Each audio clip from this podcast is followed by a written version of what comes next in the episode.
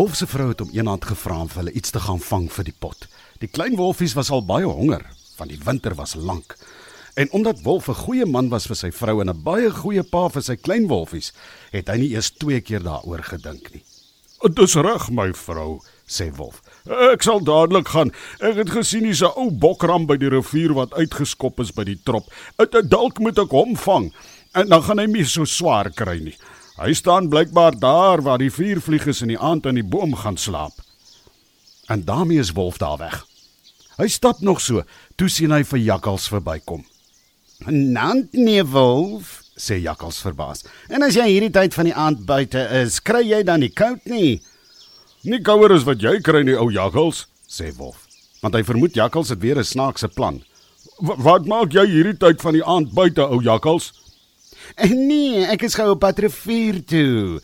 Die vrou het gevra ek moet gaan water haal vir koffie, sê Jakkals en vee vee oor sy lang snoet. Wolf glo nie 'n woord wat Jakkals sê nie, maar hy speel ewe saam. "O, dis nou voorbeeldig van jou, Jakkals. Jou vrou is seker baie lief vir jou dat jy haar so mooi help." "Ja, sy is," sê Jakkals en glimlag trots. "En maar, en wat kom doen jy in die bos hierdie tyd van die aand, ou wolfman?" vra Jakkals. Nou moet Wolf vinnig dink, want as Jakkals weet van die ou bokram, gaan hy hom eers wil vang en dan kry sy eie wolfkinders nie 'n stukkie kos nie.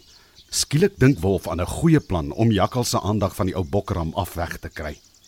"O nee, ou Jakkals, oupa, hy het gesê ek moet gou gaan kyk. Daar is blykbaar 'n klompie vonke in die bos en hy's net bang die bos raak aan die brand. Is so droog. En as hier nou 'n brand moet uitbreek, is ons almal poegai." "En my liewe aarde, maar dis vreeslik," sê Jakkals. "Waar is die vonke?" "Nie ver van die rivier af nie," sê Wolf.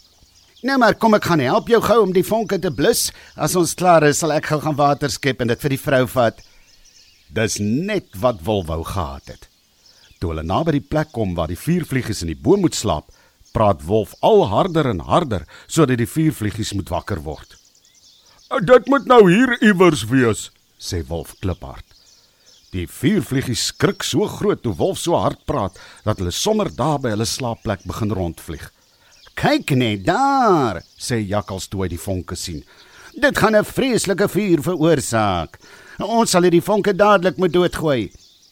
Maar wat Jakkals nie geweet het nie, is dat daar reg onder die vuurvliegies se slaapplek 'n groot byenes was. En wanneer bye slaap, hou hulle nie daarvan om nat gegooi te word nie. "En Wolfman, ek draf gou af rivier toe," sê Jakkals. Hy's nou baie benoud oor die vonke. En, en dan skep ek so lank water.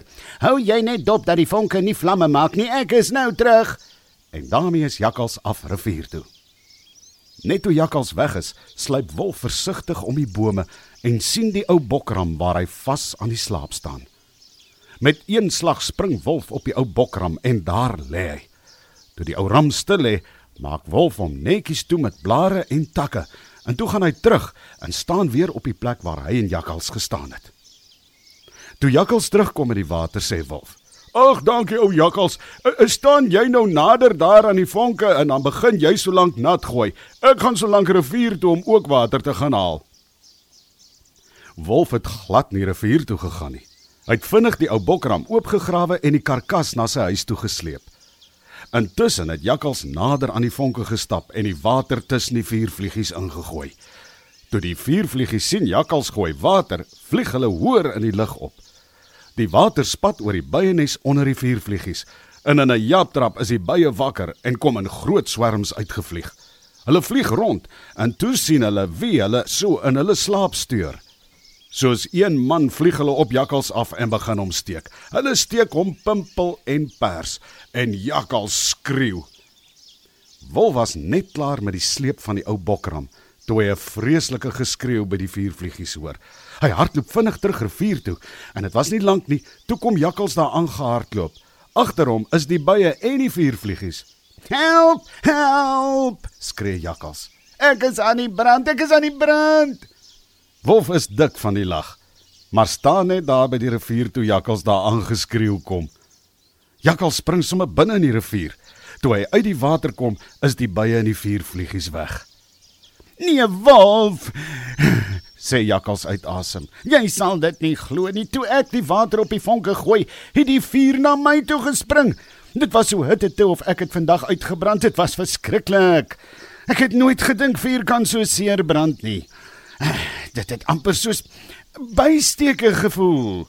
My liewe aarde, ou jakkals, sê Wolf. Maar dis vreeslik. Ek is so bly jy het kop gehou en hier na die rivier toe gehardloop en nou het jy darm die vlamme geblus. Jakkals klim seer seer uit die rivier. En hoekom het jy so lank geneem? As jy gehelp het met die vonke, sou dit nie op my gespat het nie. Ek is so jammer ou jakkals, maar ek kon net nie genoeg water geskep kry nie. Hierdie groot olifant oorblare sou net nie die water inhou nie. Elke keer as ek dink nou het ek genoeg water geskep en na jou toe wil loop, loop dit langs die kant uit. En en dan moet ek terugloop om weer te gaan skep. Toe die son opkom, was Jakkal se oë toegeswel van die buisteke. En Wolf het hom gehelp om weer by sy huis uit te kom. En dit sal jou leer om my elke keer om die bos te lei, dink Wolf. Nou het Slim sy baas 'n bietjie gevang. Wolf en sy gesin het vir dae lank heerlik aan die vleis gesmil. En nou Jakkals, hy het nooit weer probeer om na sononder vonke te gaan doodgooi met water nie.